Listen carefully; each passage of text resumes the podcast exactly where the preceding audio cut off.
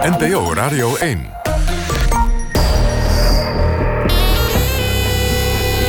Argos. VARA, Human en de VPRO. Luizen in de pels. Onderzoeksjournalisten over hun vak. Max van Wezel. Een hele goede en vooral warme zaterdagmiddag. Welkom bij Argos. Na de lange sportzomer starten we vandaag met de eerste aflevering van onze eigen zomerserie. Luisteren in de pels, journalisten over hun vak. Bij me zijn Freek Schravenzande en Carola Houtenkamer, journalist bij NRC Handelsblad en NRC Next. Welkom allebei. Dank je. Uh, jullie zitten hier als journalistiek duo. Daar gaan we het straks uitgebreid over hebben. Maar eerst even kort jullie uh, signalement. Freek, hoe oud? 34. Carola? 36. Waar komen jullie vandaan? Waar ben je geboren, Freek? Uh, geboren in Amsterdam. Carola? Ik kom uit Zeeland, uit Krabbedijken.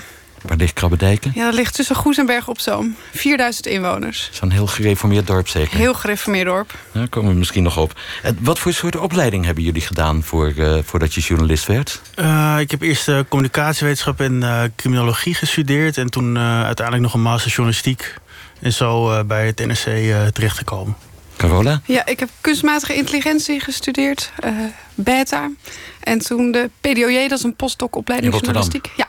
En uh, zo ook bij de krant terechtgekomen ongeveer op hetzelfde moment uh, dat Freek uh, begon. Wat zijn jullie hobby's of kom je daar niet aan toe als journalist? Bij uh, jawel hoor, piano spelen. Ik hou erg van jazz. En ik zit ook in een bandje met allemaal 65-plussers. Dat is echt leuk, ja. Wat is er leuk aan een bandje met 65-plussers? Nou, dat ze alle tijd hebben. En, uh, en ook uh, reflectie op het leven. En, en weinig meer hoeven. En ook hele mooie muziek maken. En als je heel beroemd wordt, krijg je een brief van president Obama bij je uitvaart. Nou, we, we laatst hadden we in het winkelcentrum uh, gespeeld van Diemen. Dat was uh, het hoogtepunt uh, tot nu toe. Ja. Carola, wat zijn jouw hobby's? Ik, ik, ik, ik rijd paard. Ik rijd graag paard. Dat is wel een tijdje geleden dat ik het heb gedaan. Maar ik vind dat heerlijk. En vooral buiten zit je overdag op kantoor. En dan sta je s'avonds in de mest. En dan ga je een stukje galopperen door de modder. Dat vind ik heel leuk. Jullie hebben elkaar leren kennen bij NRC Next, waar jullie allebei uh, eerst begonnen zijn. Dat, was toen een beetje de, de jongere editie, zeg maar, van uh, het echte NRC. Uh, wat, wat was er anders aan NRC Next dan aan de, aan de gewone krant, Carola? Um, ja, hadden, uh, de bedoeling was van NRC Next dat we niet uh, voor de nieuwsvoorziening waren. Dat kwam uit uh, NRC Handelsblad. Die, de, de deelredacties daar zouden dat gewoon blijven doen. En wij moesten dat opnieuw verpakken en aanvullen met nieuws wat een andere doelgroep zou aanspreken. jonger en frisser en wilder. En dat, er mocht ook meer. Dus we konden experimenteren met uh, vormen waarin we stukken goten... of gewoon überhaupt verhalen maken waar niemand op zat te wachten... maar die dan toch heel leuk waren om te lezen. En uh, nou, dat is een chef, zat daar op, Hans Nijhuis. Die zit nu bij het uh, hoofdredacteur Dagblad, hè? Ja. ja. En die, die, uh, die begon daar en die, heeft, die, die verdedigde ons uh, en de ruimte die we wilden nemen. Um, dus er mocht heel veel. Zeiden we, ja, maar we moeten absoluut uh, een verhaal maken over reuzengroenten. En dan uh, zei hij, nou, uh, fantastisch. Daar zit ik al jaren op te wachten, verhaal over reuzengroenten. Waarom hebben we dat nog niet gehad? Reuzenkonijn heb je ook nog Ja, reuzenkonijn heb ik ook gedaan. Ja, dat mocht, dat, ja, dat alles mocht. Dus dat was, nou, dat was heel leuk. En je kon jezelf als journalist dus uitvinden. En vast veel vrijheid om te ontdekken van... vind ik interviews leuk, vind ik reportages leuk... vind ik uh, heel lang graven op een onderwerp leuk... We moesten ook wat diensten draaien en uh, stukjes schrijven. Maar goed, uh, daarbuiten uh, mocht je, kon, je veel. Ja. ja. je kon een beetje surfen over de golven van, van het, de kopij... die altijd al werd geleverd door, door Handelsblad.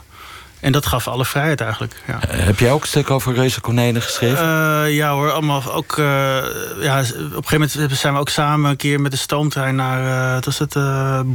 kerncentrale in Borselen gegaan. Naar zulke dingen. Ja, Gingen we liften? Het maakt allemaal niet uit. Ja, dat was heerlijk. En is dat nog steeds zo? Want ik heb de indruk dat NRC Next meer, steeds meer gewoon de ochtendeditie van de NRC Handelsblad... gewoon steeds meer een echte nieuwskrant is geworden. Ja, dat is zo. Ja, dat is, is dat jammer? Ja, nou ja, als je er bent begonnen, dan uh, kijk je er wel met uh, nostalgie, denk ik, uh, naar terug. En ik, ik, hield, ik hield erg van Next. Ik denk nog steeds dat het een hele goede krant is, maar dat het iets andere, iets andere vorm heeft gekregen. En ja, dat is. dat is, maar is zoals het is. Ja, maar de verhalen die wij maken, die kunnen nog steeds. Dus de, de vrijheid is er nog altijd wel gebleven ook. En jullie schrijven allebei ook nu voor de avondeditie. Klopt, ja. En, en is daar verschil tussen? Is dat serieuzere journalistiek of meer echt nieuws, nieuws van de dag? Of? Ja, het is wel. je, je, ja, je wordt wel geacht natuurlijk ook veel meer ook bij te dragen aan de nieuws, nieuwsvoorziening. Ja. Ja, we zitten allebei nu bij een deelredactie. Ik bij Economie en Freek bij Binnenland van het NRC Handelsblad. Dus dan heb je een gebied en een portefeuille... en dan word je geacht dat te volgen... en daar nou, interessante dingen uit te halen... en dat goed, goed te beschrijven. Dus dat is wel een andere taak. Kun je ook van alles in kwijt. En het is ook leuk en je, uh, mega leerzaam. Uh, het, is het is een beetje anders. Hoe hebben jullie elkaar ontdekt als uh, duo-partner? Ik kan me nog herinneren dat, dat zij mij een, een mok gaf. je gooit er zoveel bekertjes weg. Ja, ik... Uit, bij de Zij vond dat je te veel plastic bekertjes Ja, voor de koffieautomaat, ja. Dus die mok, die, die ben ik ook eigenlijk... Ik heb hem misschien één of twee keer gebruikt. Daarna ben ik hem kwijtgeraakt. Maar goed. En dus, vertederde je dat of dacht je wat een nou, bemoeial is die ja, corona? Nee, ja, allebei natuurlijk. Hè. Ja, nee, maar het, we konden het gewoon heel goed met elkaar vinden eigenlijk uh, vanaf het eerste moment. En waar zat hem dat in? Um, nou, ik heb het idee dat we heel erg dezelfde dingen mooi vinden, leuk vinden in verhalen. Dus uh, bepaalde details die opeens uh, naar boven komen. Kunnen we allebei echt van genieten. ik denk ook dat we elkaar wel aanvullen. Dat, dat toch weer een heel ander persoon is dan ik zelf. Uh, misschien wat extraverter, ik wat introverter. Uh, zij is ook uh, heel enthousiasmeerd, allerlei mensen. Ik blijf misschien wat langer ergens nog hangen om nog wat verder te kijken. Nou ja, zo op die manier vullen we elkaar denk ik wel aan. Ja. En wat zag jij in uh, Freek, Carola? Ja, nou los van dat ik hem wil, dat het gewoon heel, heel leuk iemand is om mee te werken en te zijn, is het ook echt heel vaak dat uh, als je samen op pad bent en iemand zegt iets of je ziet iets, dat je een, uh, op hetzelfde moment herkent: oh, dit is gaaf, oh, dit is. En het is een soort zelfde hang naar absurdisme. En Freek heeft daar ook oog voor. Ik vind het ook heel leuk. of zo'n zo'n pijnlijk detail, wat dan eigenlijk te mooi is om waar te zijn. En dat je er allebei zo, ja, mooi. Het is wel geweldig. Um, en, en, en nou, die, die verstandhouding, dat is best wel zeldzaam... dat je iemand tegenkomt met wie je dat zo van nature hebt... dat je eigenlijk je soort van je journalistieke ziels, zielsverwant vindt. Dat je het zelf het is best moeilijk, hè, werken als journalistiek duo meestal. Ja, en Je, dan zit je dan ook... Dat is altijd het, moeilijkheid is altijd uh, samen een stuk schrijven. En dan uh, meestal dan gaat er eerst uh, iemand wat schrijven... en dan iemand anders gaat daarop verder. Of die verandert dan weer helemaal. Maar wij kunnen ook wel samen in een heel klein hokje zitten... en dan achter één computer. En dan trekken we de hele tijd het toetsenbord uit elkaars handen... en dan zeggen we, nee, nee, dat moet zo, het moet zo. En dan pakt de ander, nee, nee, nee, het moet zo. Oh ja, ja, ja. En dat gaat dan de hele tijd... Tok, tok, tok, en na acht uur komen we helemaal uh, dwaas uit zo'n hok. En dan maar het gebeurt nooit dat iemand een uh, mok koffie naar de ander uh, slingert. Dat niet? Nee, We, hebben nooit ruzie gehad eigenlijk. Nee, nooit. Hé, wat hier. Saai ja. ook. Ja. ik heb best wel vaak ruzie met mensen. Maar met Freek, die, die, neemt, die, maar die, die ontneemt me die mogelijkheid daartoe. Het gebeurt gewoon niet met Freek. En, nee, ik hou ook gewoon niet van ruzie maken. Nee, je houdt niet van. Ik vind ruzie maken heerlijk. Maar bij Freek heeft dat helemaal geen Lukt zin. het niet? Nee. Dan zeg, ga je boos doen en dan kijkt hij je zo aan. Dan denk je, oké, nou laat maar. Hmm. Het, uh, ik kondigde jullie aan als uh, onderzoeksjournalist. Maar dat is een beetje omdat deze serie nou eenmaal over onderzoeksjournalisten gaat. Dan, ja, uh, Carola zit bij de redactie Economie. Jij bij, bij Binnenland, bij Verslaggeverij. waarom eigenlijk niet bij de onderzoeksredactie van NRC? Want die bestaat wel. Ja, ik, ik heb... dit, ook dit programma heet Luizen in de Pels. Ja. ja. Ik, heb, voel me nou niet echt een luis in de pels. Ik heb denk ik nog nooit de voorpagina gehaald. Dus, uh, ja. Echt helemaal nooit? Uh, echt, nee. Dus, en dan zijn, komen soms stagiairs die na, na hun stage twee keer op de voor. En ik heb nog nooit in, in bijna tien jaar. Dus ja. Ik voel me eerder een soort hond die een beetje rondsnuffelt. Maar, Ze zien je niet echt als een harde nieuwsjournalist. Nee, echt een misstanden of zo. dat, nee, dat is, nog niet, is er nog niet echt van gekomen. Liever een absurdistisch verhaal dan een misstand? Nou, misschien. Ja, ik weet het niet. Ja. En jij, hoe vaak sta jij op de voorpagina? Carola, vraag ik streng. Ja, god, dit vraagt mijn chef natuurlijk ook. Ik denk dat ze bij mij dat nog wel iets meer verwachten zelfs. Nou, niet zo vaak. Ik herinner me de eerste keer met een stukje over de, de nieuwe de, de zwembrigade. Die mensen achter dood in de zomer uh, met een leuke foto erbij. En uh, een keer met een stuk over een snelweg. Niet zo vaak. En dat, is, dat is natuurlijk wel ook een beetje ingewikkeld. Want op een nieuwsredactie is dat toch ook wel een beetje uh, wat, wat, uh, wat, wat goed is en wat hoort en wat moet. En ik ben daar ook niet op tegen. Maar ik, ik voel vaak. Uh, het zijn niet mijn beste verhalen die dan zich lenen voor de voorpagina. En dan, ik volg bijvoorbeeld ook Volkswagen en het hele dieselschandaal. Ja. Maar de kwam ik er na heel veel gesprekken achter... dat er werd gelobbyd voor het behoud van een wiskundig foutje. Had ik dan, heb ik dan zoveel schik in... en dan wil ik dat helemaal uitzoeken waar, wat dat foutje is... en wie, hoe kun je nou toch de wetten van de wiskunde buigen in je voordeel. En nou ja, mag dat, maar dat mag wel. Bij de krant krijg je daar dan alle ruimte voor... en een mooie spread op zaterdag. Als je maar niet zegt, dit moet de opening worden. Nee, en dat gebeurt dan En is dat niet. niet fout? Zou het niet veel leuker zijn als kranten openen met... een verhaal over een reuzenkonijn? Ja, en dat vind ik ook wel eigenlijk heel noodzakelijk... dat je af en toe de krant opent met een verhaal over een reuzenkonijn. Maar ik, ja, nee, die spanning is er op de krant. Daar is discussie over. Moet je de krant openen met een verhaal over een reuzenkonijn? Ik denk af en toe van wel. Maar ik denk dat er heel veel mensen vinden dat je dat niet moet doen. Goed, het is een soort onderzoeksjournalistiek... maar niet de klassieke onderzoeksjournalistiek wat jullie doen. Hebben jullie er zelf een definitie voor, een term voor... voor jullie soort journalistiek, Freek? Nou ja, rondhangen. eh, ja, hoe zou je het anders eh, kunnen oms- omschrijven? Eindeloos hangen. Eindeloos hangen en eh, ja, wel proberen verder te kijken dan, eh, dan de, de clichés of de werkelijkheid zoals die eh, als eerste op je bord eh, gepresenteerd wordt. Kijken of er, of er nog wat achter die werkelijkheid zit, of er diepere lagen te vinden zijn in, eh, in die werkelijkheid. Ja. Je wil heel fijnmazig kijken. Vaak is het heel vaak is de reflex. Er komt er een rapport uit van het Sociaal Cultureel Planbureau. En, en, en dan, wordt, dan is het van oké, maar hoe leeft dit dan onder de mensen? En dan ga je daarmee op straat en dan ga je naar een soort illustratie bij een rapport zoeken. Ik vind dat eigenlijk de verkeerde volgorde. Wij moeten gewoon gaan kijken en dan heel fijnmazig kijken wat, wat wordt hier precies gezegd. En is het misschien wel net toch een tikje anders dan het rapport. En uh, dat verhaal maken. En dan mogen de onderzoekers mogen daar dan vervolgens een, een analyse van doen. Maar ik vind heel vaak de volgorde niet goed. En um, ik zou willen dat we... Nou ja, ik vind ik zelf heel leuk om gewoon naar een plek te gaan... en gewoon te kijken van... wat wordt... Nou, het klinkt zo cliché, maar wat wordt hier nou echt gezegd? Wat wordt hier nou echt gedacht? Op de millimeter. Cliché, hoor. Nou ja, in plaats van nieuws, wat toch altijd de uitzondering is... Uh, ja. is het ook wel eens goed om gewoon te kijken van hoe het normaal is. Ja. En dan goed kijken. Maar dat kost ontzettend veel tijd.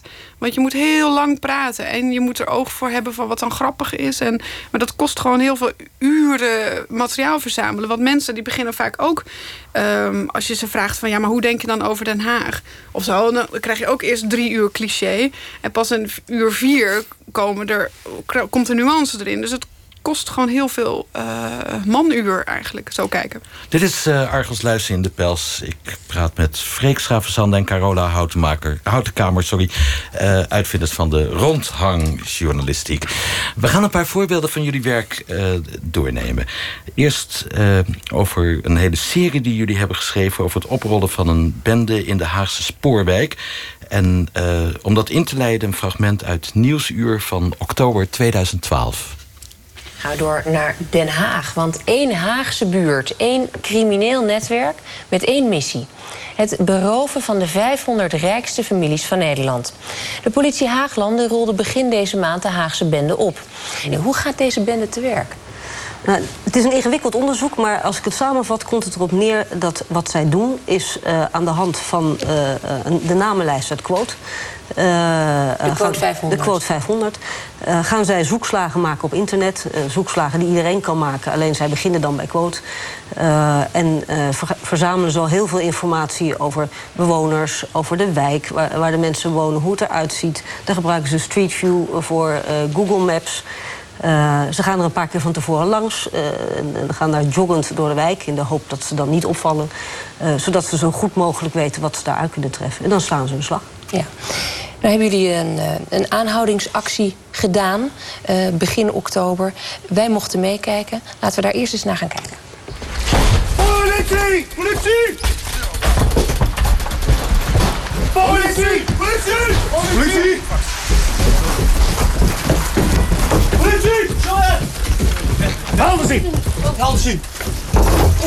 Sta blijven, tegen u. Zijn er meer mensen hier? Hiernaast, ja. Hiernaast, hiernaast nog. Bij jullie staan nog. Staan bij. Politie! Bonkje boven. Kleine bonk boven. We dagen al mevrouw. Goed, alles wat u zegt kan tegen worden gebruikt. Hè? U hoeft niet uh, te antwoorden op onze vragen. Ja, dat is uw recht. U wordt straks uh, voorgeleid aan een hulpofficier van justitie. Ja, de politieinval in, uh, de Beetstraat in de Spoorwijk in Den Haag. Nieuwsuur 18 oktober 2012. Nou, dit was dus hoe een groot tv-medium het nieuws, harde nieuws bracht... over een groep jonge mannen uit die Haagse wijk. Die waren opgepakt omdat ze de quote 500-lijst van rijke mensen in Nederland gebruikt... als een soort routekaart voor lucratieve inbraken. Uh, twee jaar later zijn jullie naar die buurt gegaan. En dat is inderdaad dan wat jullie vertellen. Van, dan ga je rondhangen om het echte verhaal uh, uh, op te tekenen van, van die buurt. waarom de beslissing om twee jaar nadat Nieuwsuur dat nieuws bracht... zelf te gaan kijken, Freek?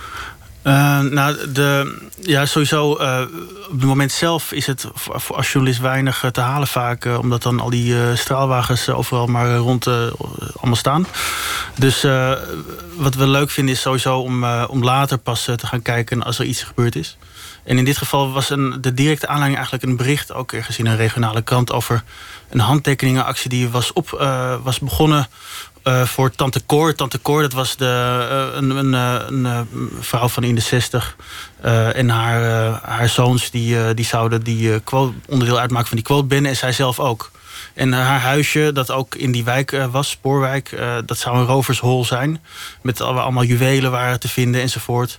En dat politie had haar dus ook opgepakt. Je hoort het ook in het, in het fragment, hoor je haar ook nog iets, iets zeggen.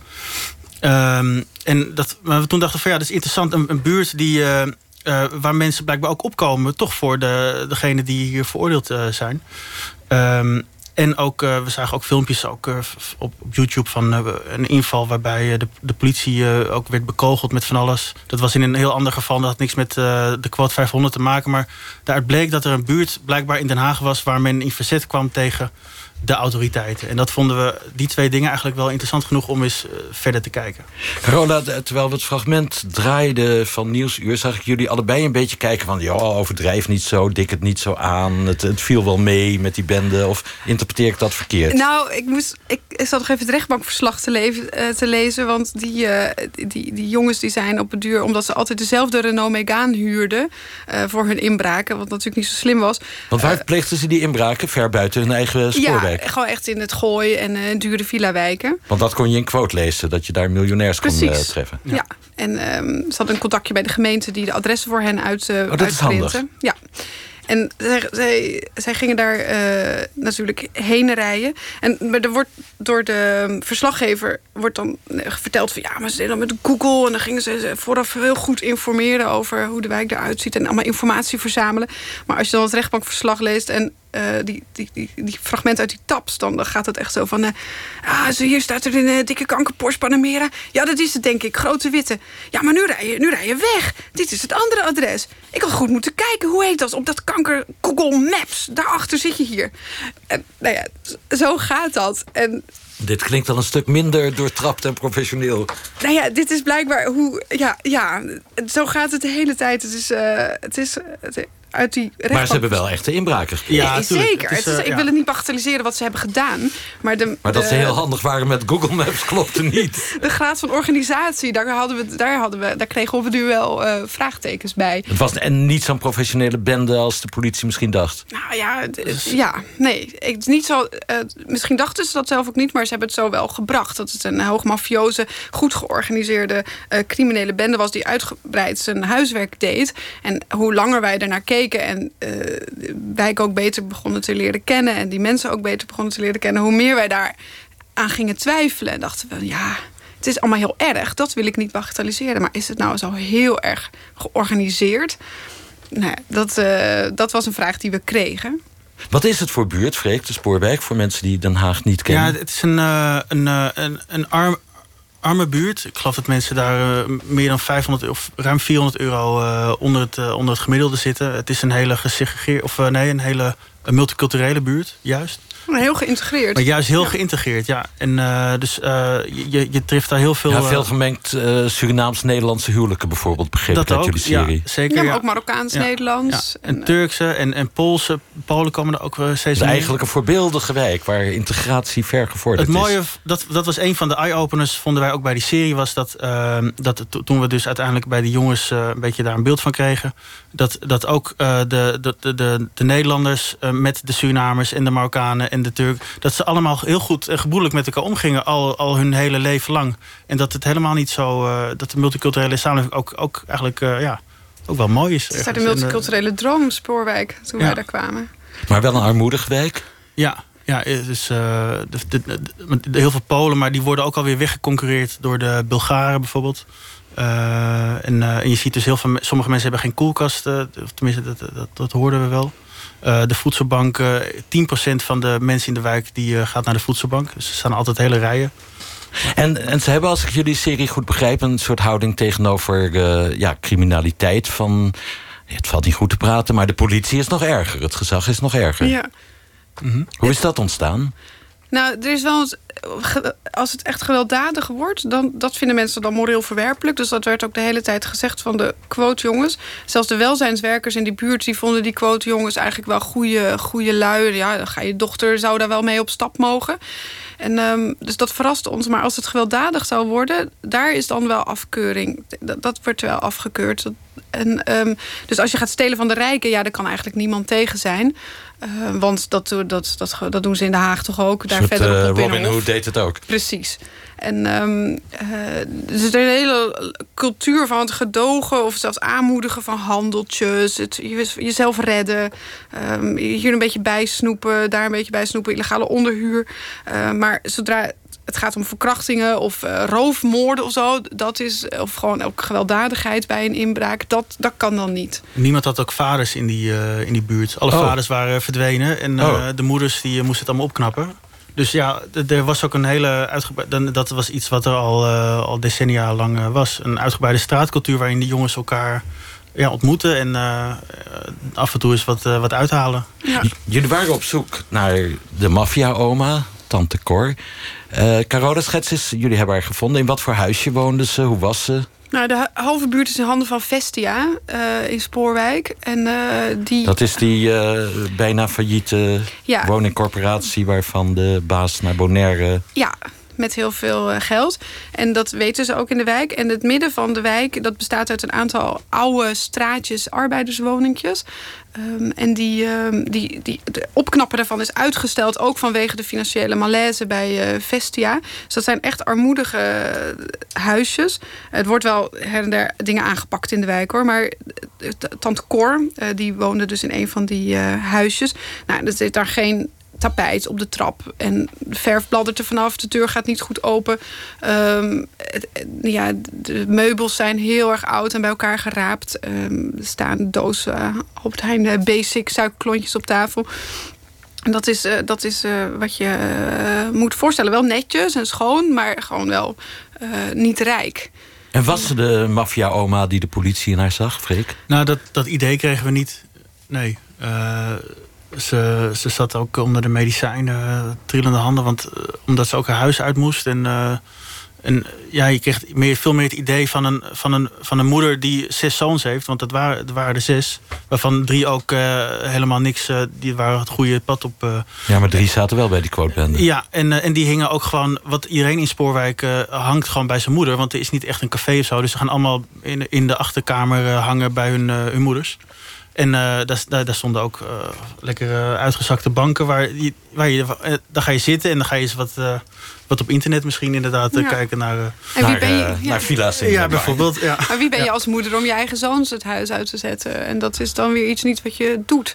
Uh, dus dat, ja, dat, zij accepteerde dat half wel niet. Dat weten wij niet, wetend wat er aan de hand was. Dat... Jullie kregen meer de indruk dat, zij door, ja, dat haar zoons over, over haar heen waren gelopen. Dat ze dat had getolereerd dan dat ze het brein achter die bende was. Ja, ja. Nou, dat, ja. En in hoeverre ze het wist of niet wist, daar kan ik, dat, weet, dat weten we niet.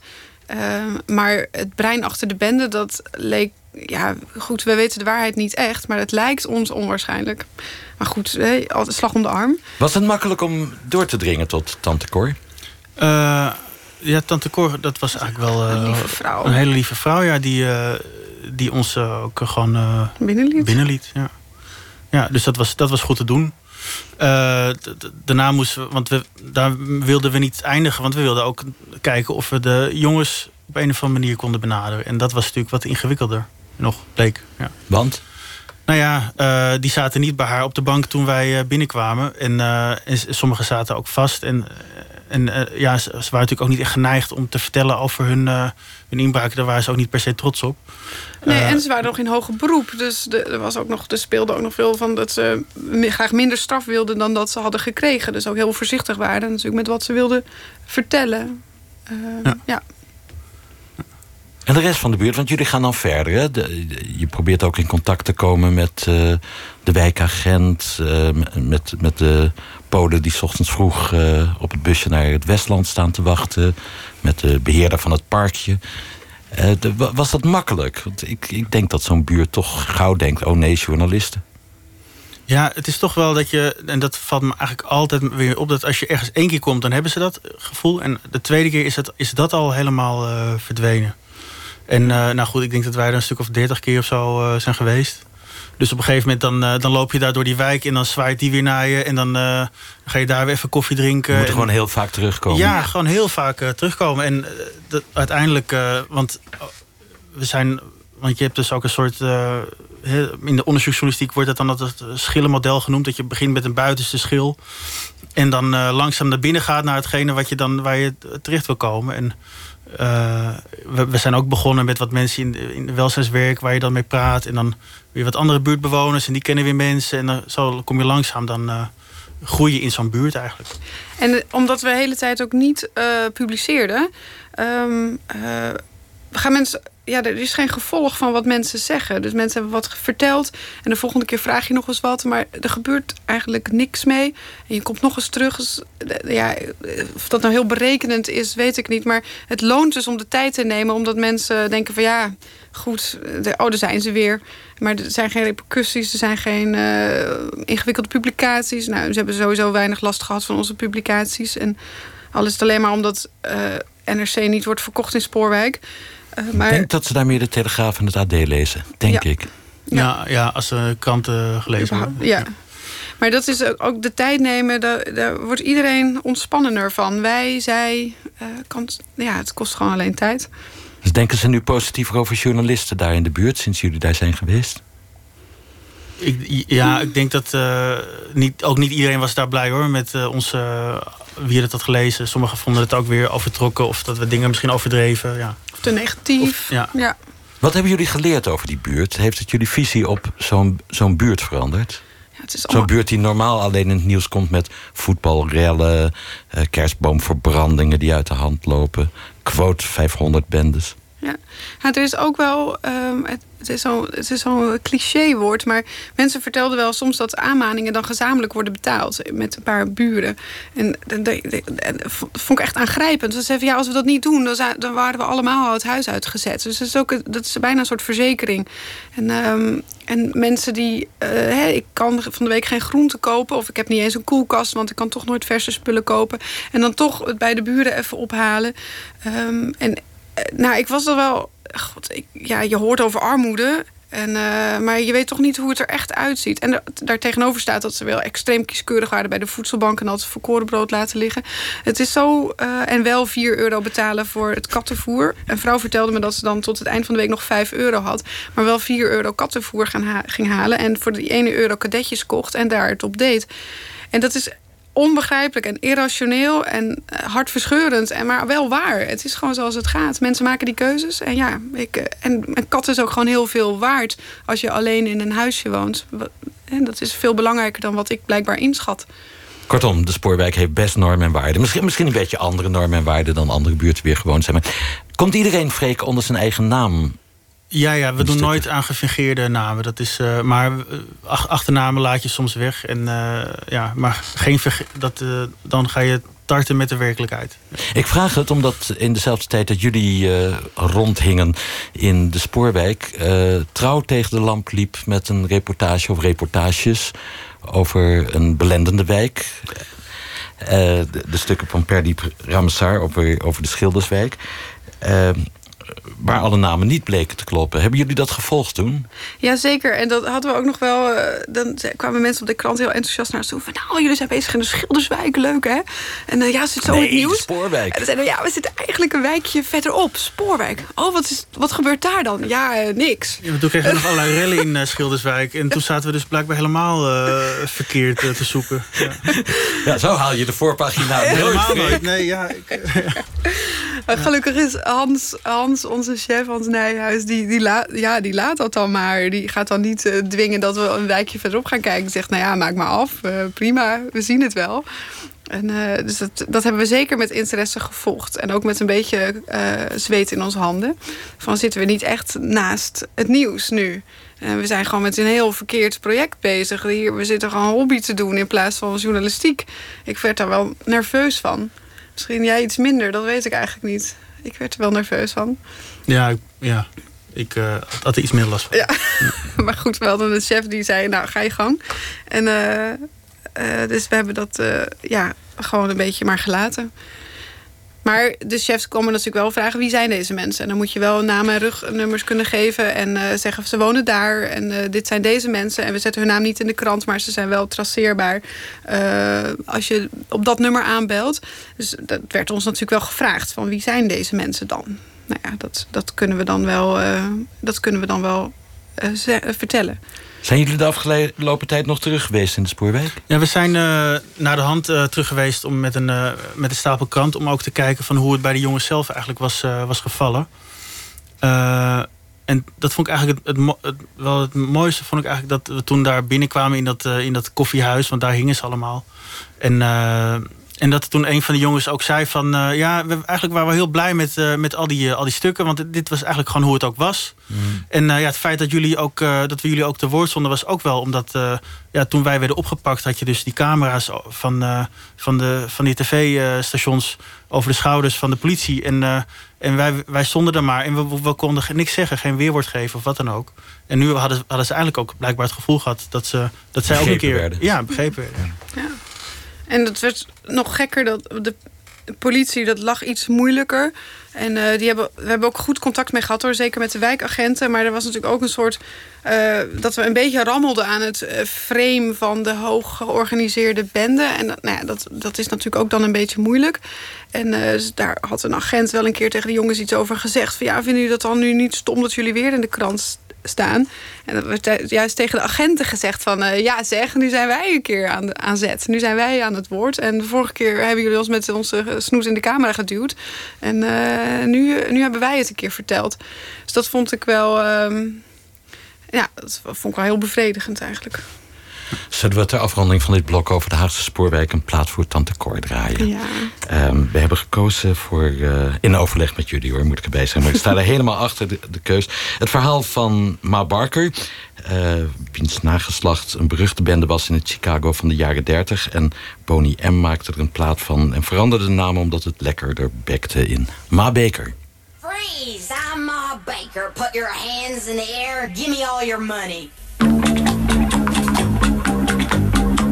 This is the story of Ma Baker, the meanest cat from old Chicago town.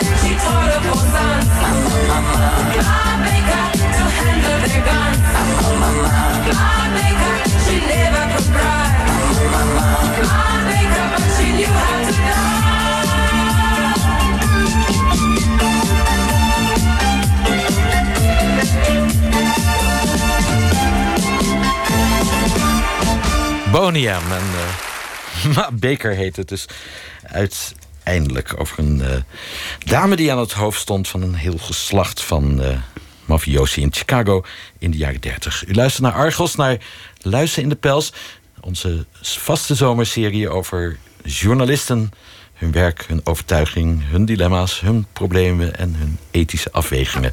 En uh, vandaag de gast zijn Carola Houtenkamer en Freek Schavenzande, allebei van NRC Next en NRC Handelsblad.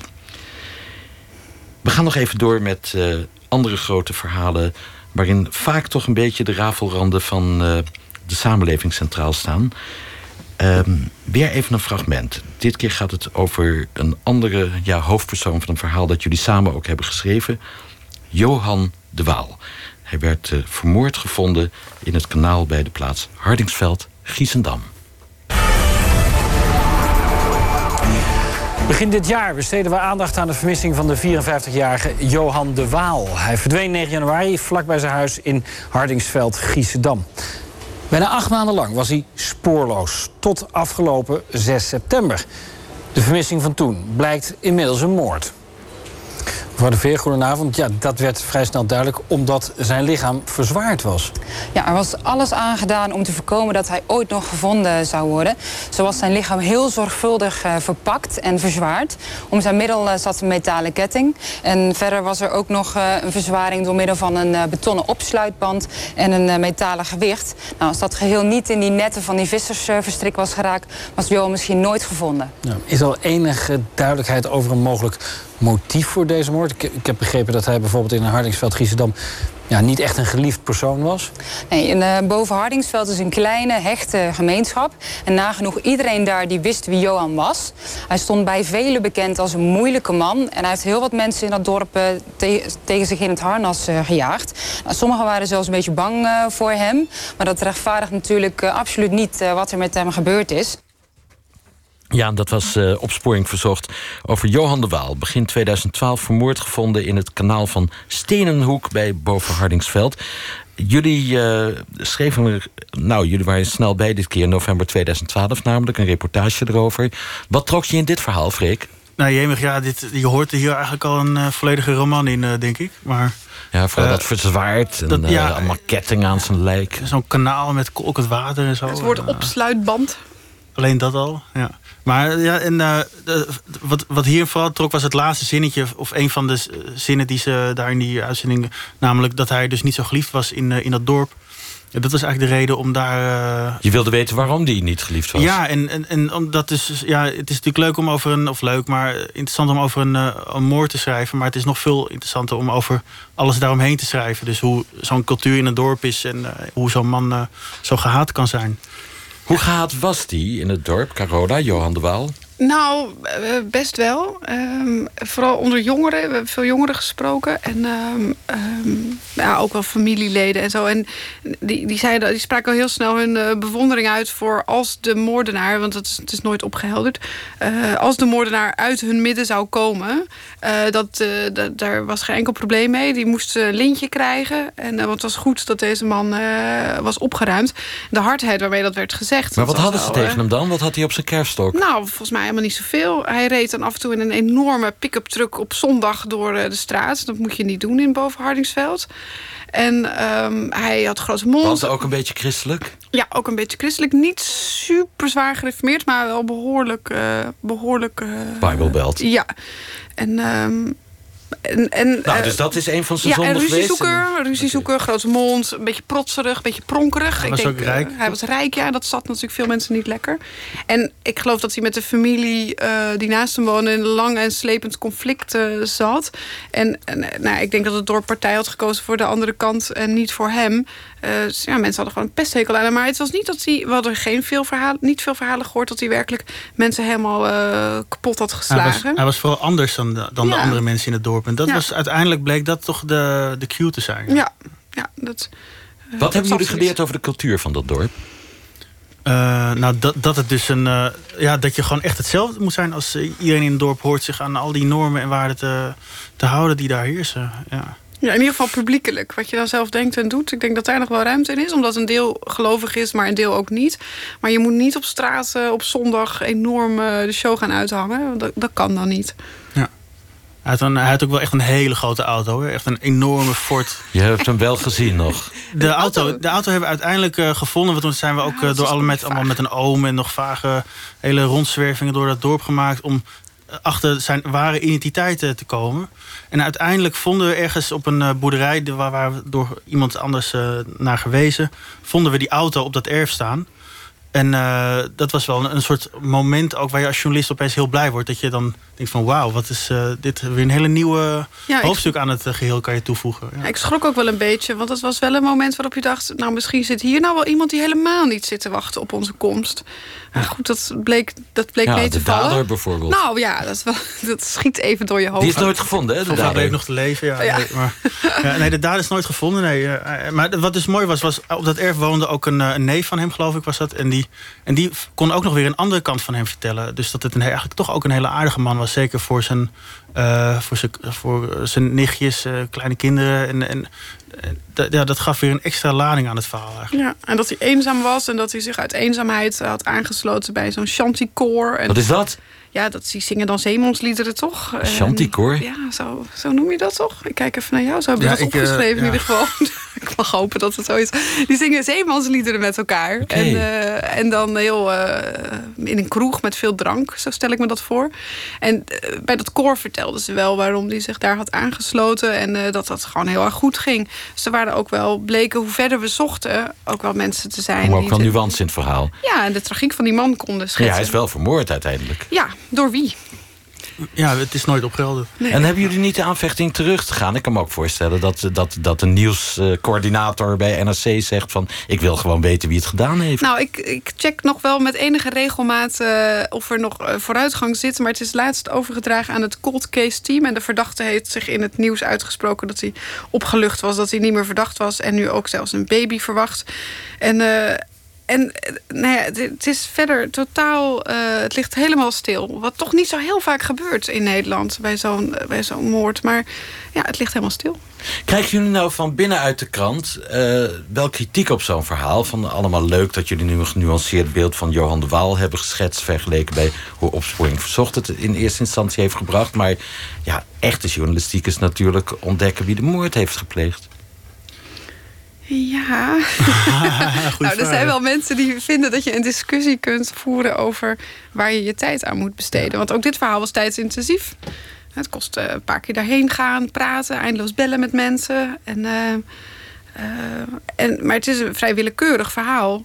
Maar goed, wij zeggen dan altijd tegen elkaar: ja, maar dit is ook Nederland. Het is niet per se een belangrijk, minder belangrijk stuk Nederland dan in de Randstad of het Binnenhof. Nou ja, kun je natuurlijk over discussiëren, maar het is ook Nederland.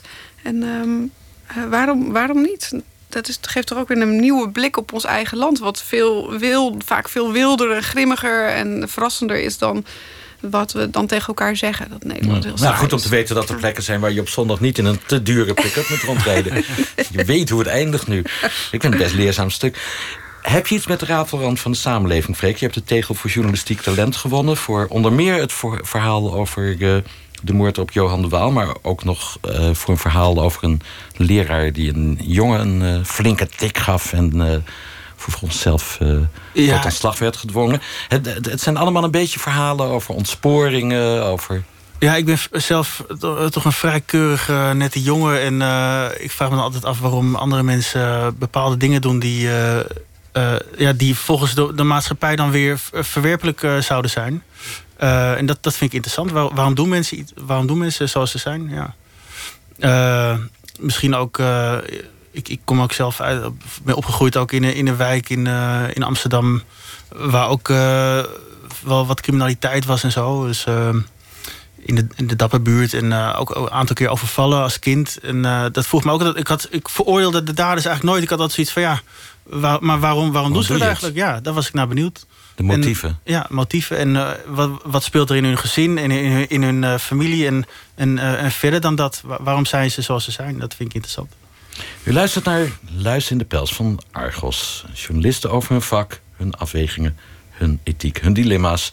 Ik praat vandaag met Carola Houtenkamer en Freek Schravensande. Allebei begonnen bij NRC Next. Allebei tot grote hoogte gestegen bij NRC Handelsblad. De een bij Binnenland, de ander bij Economie. En ze schrijven samen heel vaak reportages, ook series. Wie zijn jullie voorbeelden? We hadden het al even over Hans Nijenhuis, de huidige hoofdredacteur van het AD, maar vroegere chef van uh, NRC Next. Wie zijn jullie inspiratiebronnen, Carola? Nou, eentje die we delen met elkaar is toch echt uh, Gerard van Westerlo. wel een tijd terug. Um, maar die, uh, die, ja, voor zover, ik heb niet zoveel geschiedenis van de journalistiek gestudeerd, maar uh, voor zover ik begreep, begon die ermee om gewoon op een plaats te gaan staan, een soort standplaatsmethode. Die ging gewoon ergens staan en die ging kijken en, en dan maar mensen vragen wat ze dachten en ervan vonden.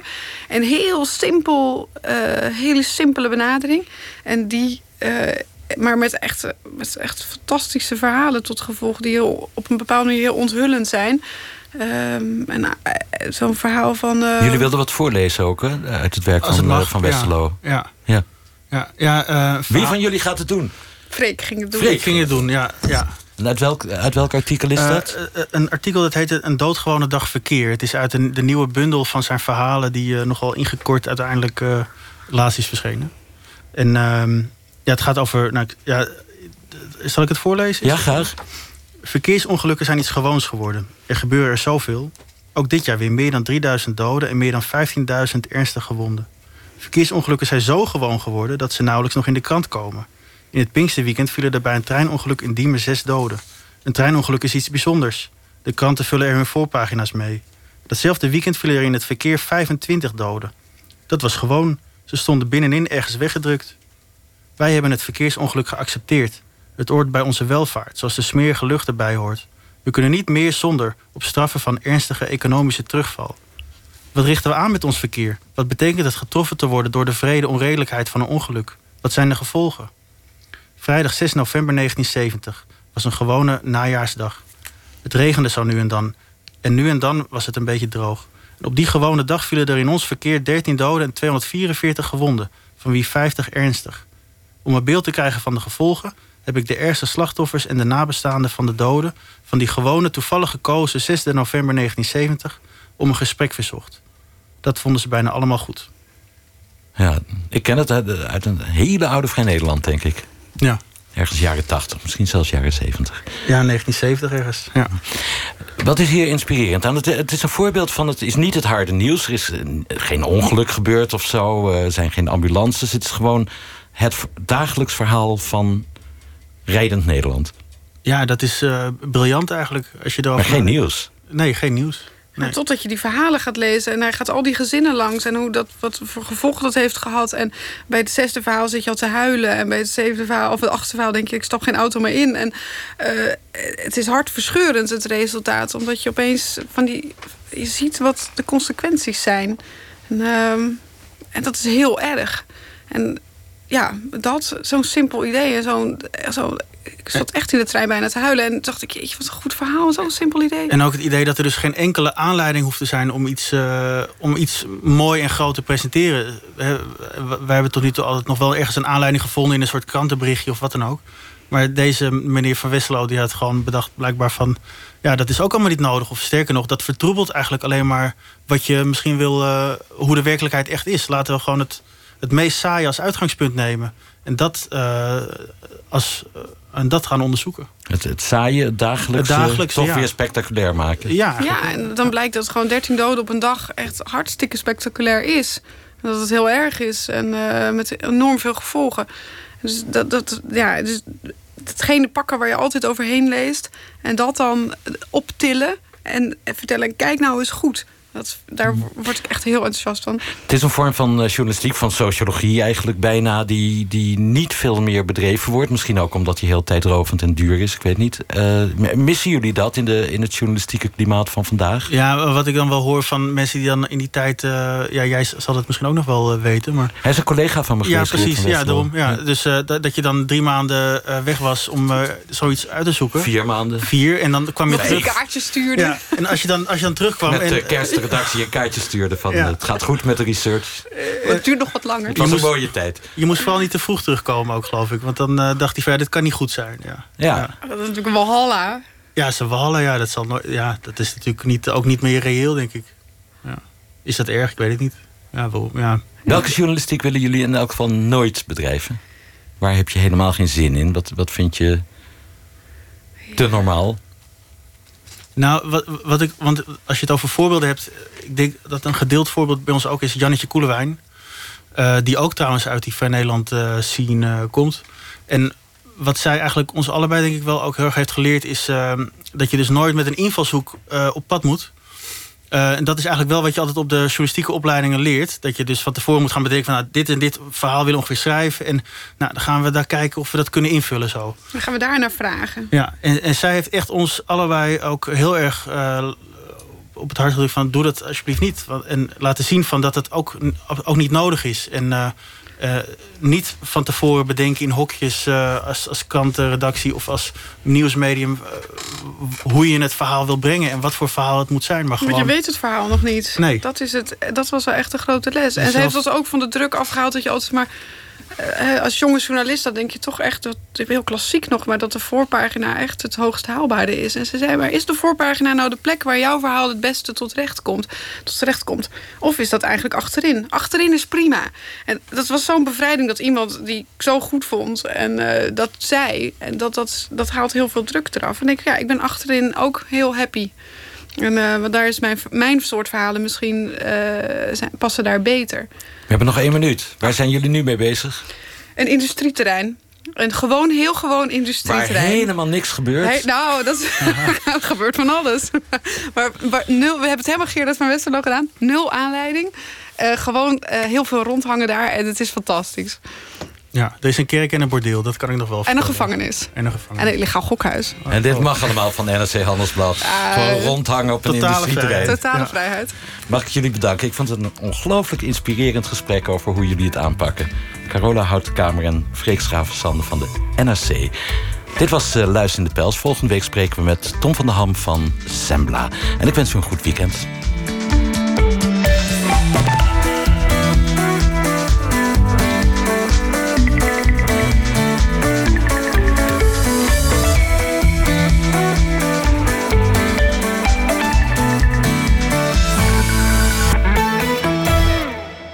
NPO Radio 1. Vroege Vogels duikt in het vlieggedrag van de meeuw. Hoe vliegt hij en waarheen? Het transport van varkens in de helse hitte. Wanneer gaan deze gruwelijke praktijken stoppen? En hooikoortspatiënten opgelet, want de ambrosia bloeit weer. Daar zitten de bloemen in die de problemen geven... waar het pollen straks uitkomt. Morgen van 7 tot 10 Vroege Vogels. Op NPO Radio 1. Het nieuws van alle kanten. Oké, okay, oké, okay, je vliezen zijn gebroken. Blijf kalm, schat. Alle spullen liggen in de auto, het ziekenhuis is gebeld. Geen paniek, let's go. Vergeet je niet iets, Harry? Huh? Vergeet ik niet iets? Uh, oh ja, even mijn route checken.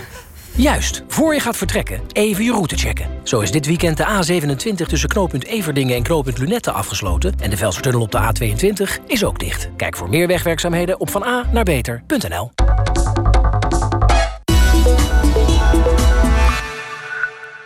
Goed voorbereid aan de slag met Macro. Dit weekend 20% korting op alle koffiemachines, serviezen en glazen. En voor de barbecue standaard meer dan 70 soorten verse vis op voorraad. Kijk op macro.nl om te zien hoe jij goed voorbereid aan de slag gaat. Gun jezelf het paradijs. De rust en balans. Omdat je... Sorry, maar mag ik even storen om daarna niet meer te storen? Access for All heeft namelijk het laagste storingspercentage van Nederland. En daarom is ons alles in één pakket voor de achtste keer op rij als beste getest door de Consumentenbond. Dus wie niet meer gestoord wil worden, stap nu over. Kijk op accessforall.nl. Access for All. First class internet. Goed voorbereid aan de slag. Alleen dit weekend bij Macro 20% korting op alle koffiemachines, serviezen en glazen. Start jij een studie- of bedrijfsopleiding? Bestel je boeken dan bij managementboek.nl. Wij staan klaar om jou een goede start te geven. Makkelijk en snel. Managementboek.nl